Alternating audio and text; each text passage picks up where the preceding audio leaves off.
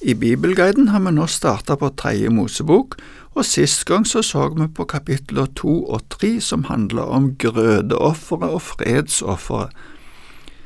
I dag skal vi se på syndofferet, som det står om i kapittel fire og i det første delen av kapittel fem. Syndofferet er et bilde på Jesus som tar bort all verdens synd. Det kan vi ha med oss i tanken når vi leser. Men vi skal ikke lese alt på en gang. Syndofferet beskrives litt forskjellig alt etter hvem det gjelder. Det første avsnittet handler om syndoffer når det gjelder en synd som den salva presten hadde gjort. Det er versene ifra én til tolv, og vi leser det først. Herren sa til Moses, si til israelittene, det kan hende at en person synder av vannvare ved å gjøre noe som Herrens bud forbyr. Dersom det er den salvede presten som synder og føler skyld over folket, skal han ofre en ung, feilfri okse som syndoffer til Herren for den synden han har gjort. Han skal komme med oksen til inngangen til telthelligdommen for Herrens ansikt, legge hånden på hodet til oksen og slakte den for Herrens ansikt. Den salvede, presten, skal ta noe av okseblodet og bære det inn i telthelligdommen. Han skal dyppe fingeren i blodet og skvette noe av det sju ganger for Herrens ansikt foran forhenget i helligdommen. Noe av blodet skal presten stryke på hornene på alteret med den velluktende røkelsen, det som står for Herrens ansikt i telthelligdommen. Resten av okseblodet skal han helle ut ved foten av brennofferalteret, det som står ved inngangen til telthelligdommen. Alt fettet skal han ta ut av syndofferoksen, fettet som dekker innvollene, alt fettet på selve innvollene, begge nyrene med fettet ved hoftemusklene og leverlappen som han skal ta ut sammen med nyrene, på samme måte som det ble gjort med oksen til fredsofferet. Så skal presten la alt gå opp i røyk på brennofferalteret. Men skinnet av oksen og alt kjøttet, med hode og bein, innvoller og mageinnhold. Hele oksen skal han ta ut av leiren til et rent sted, der de tømmer den fete offerasken og brenne den opp med ved.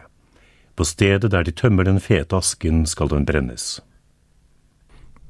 Presten hadde et hellig embete, og han sto framfor Gud på vegne av folket. Derfor skulle han gi det største og mest verdifulle offeret Blodet har avgjørende betydning. Det skulle skvettes foran forhenget. Sju er et hellig tall. I dette tilfellet skulle fettstykkene brennes på alteret, men resten av dyret skulle brennes utenfor leiren. Hebreerbrevet forklarer i kapittel 13 at på grunn av dette måtte også Jesus dø utenfor leiren. Men nå skal vi lese videre om når offeret gjelder hele menigheten, da skal lederne i forsamlingen bære fram offeret. Vi leser ifra vers 14 til 21. Det kan hende at hele Israels menighet synder av vannvare og gjør noe som et av Herrens bud forbyr, og slik fører skyld over seg uten at forsamlingen er klar over saken. Da skal forsamlingen, når synden blir kjent, ofre en ung okse som syndoffer. De skal komme til telthelligdommen med den. Menighetens eldste skal legge hendene på hodet til oksen for Herrens ansikt, og så skal oksen slaktes for Herrens ansikt. Den salvede presten skal bære noe av okseblodet inn i telthelligdommen. Presten skal dyppe fingeren i blodet og skvette noe av det sju ganger foran forhenget for Herrens ansikt. Noe av blodet skal han stryke på hornene på det alteret som står for Herrens ansikt i telthelligdommen. Resten av blodet skal han helle ut ved foten av brennofferalteret, det som står ved inngangen til telthelligdommen. Alt fettet skal han ta ut av oksen og la gå opp i røyk på alteret. Som han gjorde med den første syndofferoksen, slik skal han også gjøre med denne. På denne måten skal presten gjøre soning for dem så de får tilgivelse. Han skal føre oksen ut av leiren og brenne den opp, slik han brente opp den første oksen. Dette er syndofferet for forsamlingen. Framgangsmåten var den samme, og offeret var òg en okse, men hvis det gjaldt lederne for egen del, skulle det være en geitebukk. Vi leser om dette fra vers 22 til 26. Det kan hende at en leder synder av vannvare og gjør noe ett av budene til Herren hans Gud forbyr, og slik fører skyld over seg, eller at han blir gjort kjent med en synd han har gjort. Da skal han komme med en feilfri geitebukk som offergave. Han skal legge hånden på hodet til bukken og slakte den på samme sted som brennofferdyret slaktes for Herrens ansikt. Dette er et syndoffer. Presten skal ta noe av syndofferblodet på fingeren og stryke det på hornene på brennofferalteret. Resten av blodet skal han helle ut ved foten av brennofferalteret. Alt fettet skal han la gå opp i røyk på alteret, slik han gjorde med fettet av fredsofferet. Slik skal presten gjøre soning for ham og for hans synd, så han får tilgivelse. Det er snakk om en sivil leder og ikke en religiøs leder. Her står det ikke noe om at blodet skulle bæres inn i helligdommen, men strykes på alteret. Hvis det gjaldt en av folket som ikke var leder, kunne de ta et hunndyr av geit eller sau. Vi leser om det fra vers 27 til 35.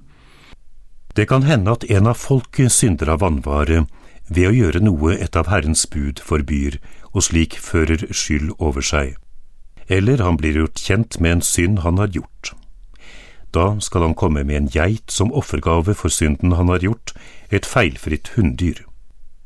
Han skal legge hånden på hodet til syndofferdyret og slakte det på samme sted som brennofferdyret slaktes. Presten skal ta noe av blodet på fingeren og stryke det på hornene på brennofferalteret. Resten av blodet skal han helle ut ved foten av alteret.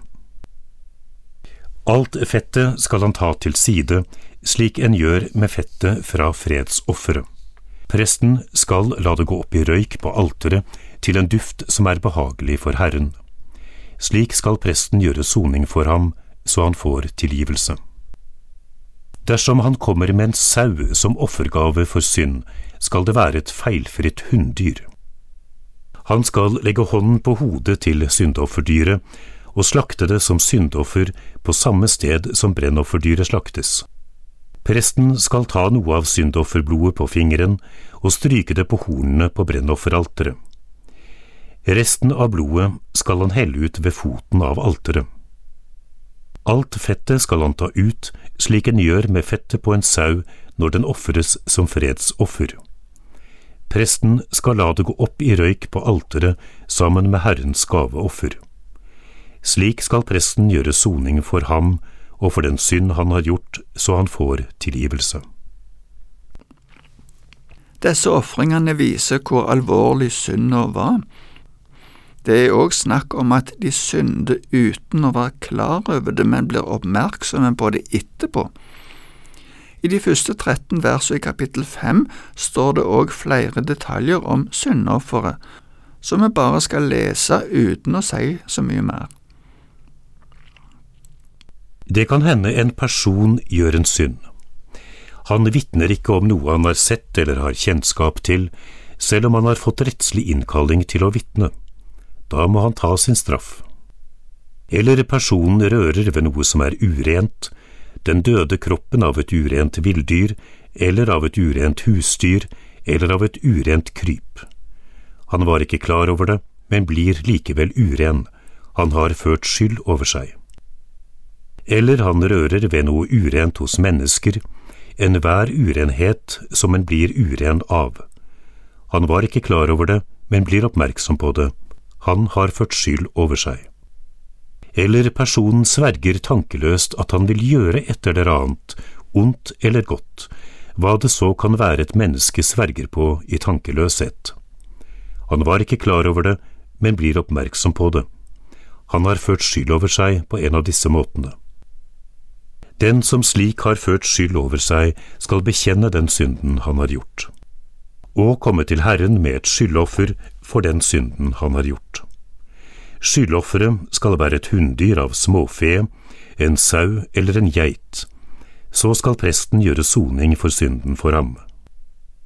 Dersom han ikke har råd til en sau, skal han som skyldoffer for sin synd komme fram for Herren med to turtelduer eller to dueunger, den ene som syndoffer og den andre som brennoffer. Han skal komme til presten med dem, og presten skal først bære fram den duen som er til syndoffer.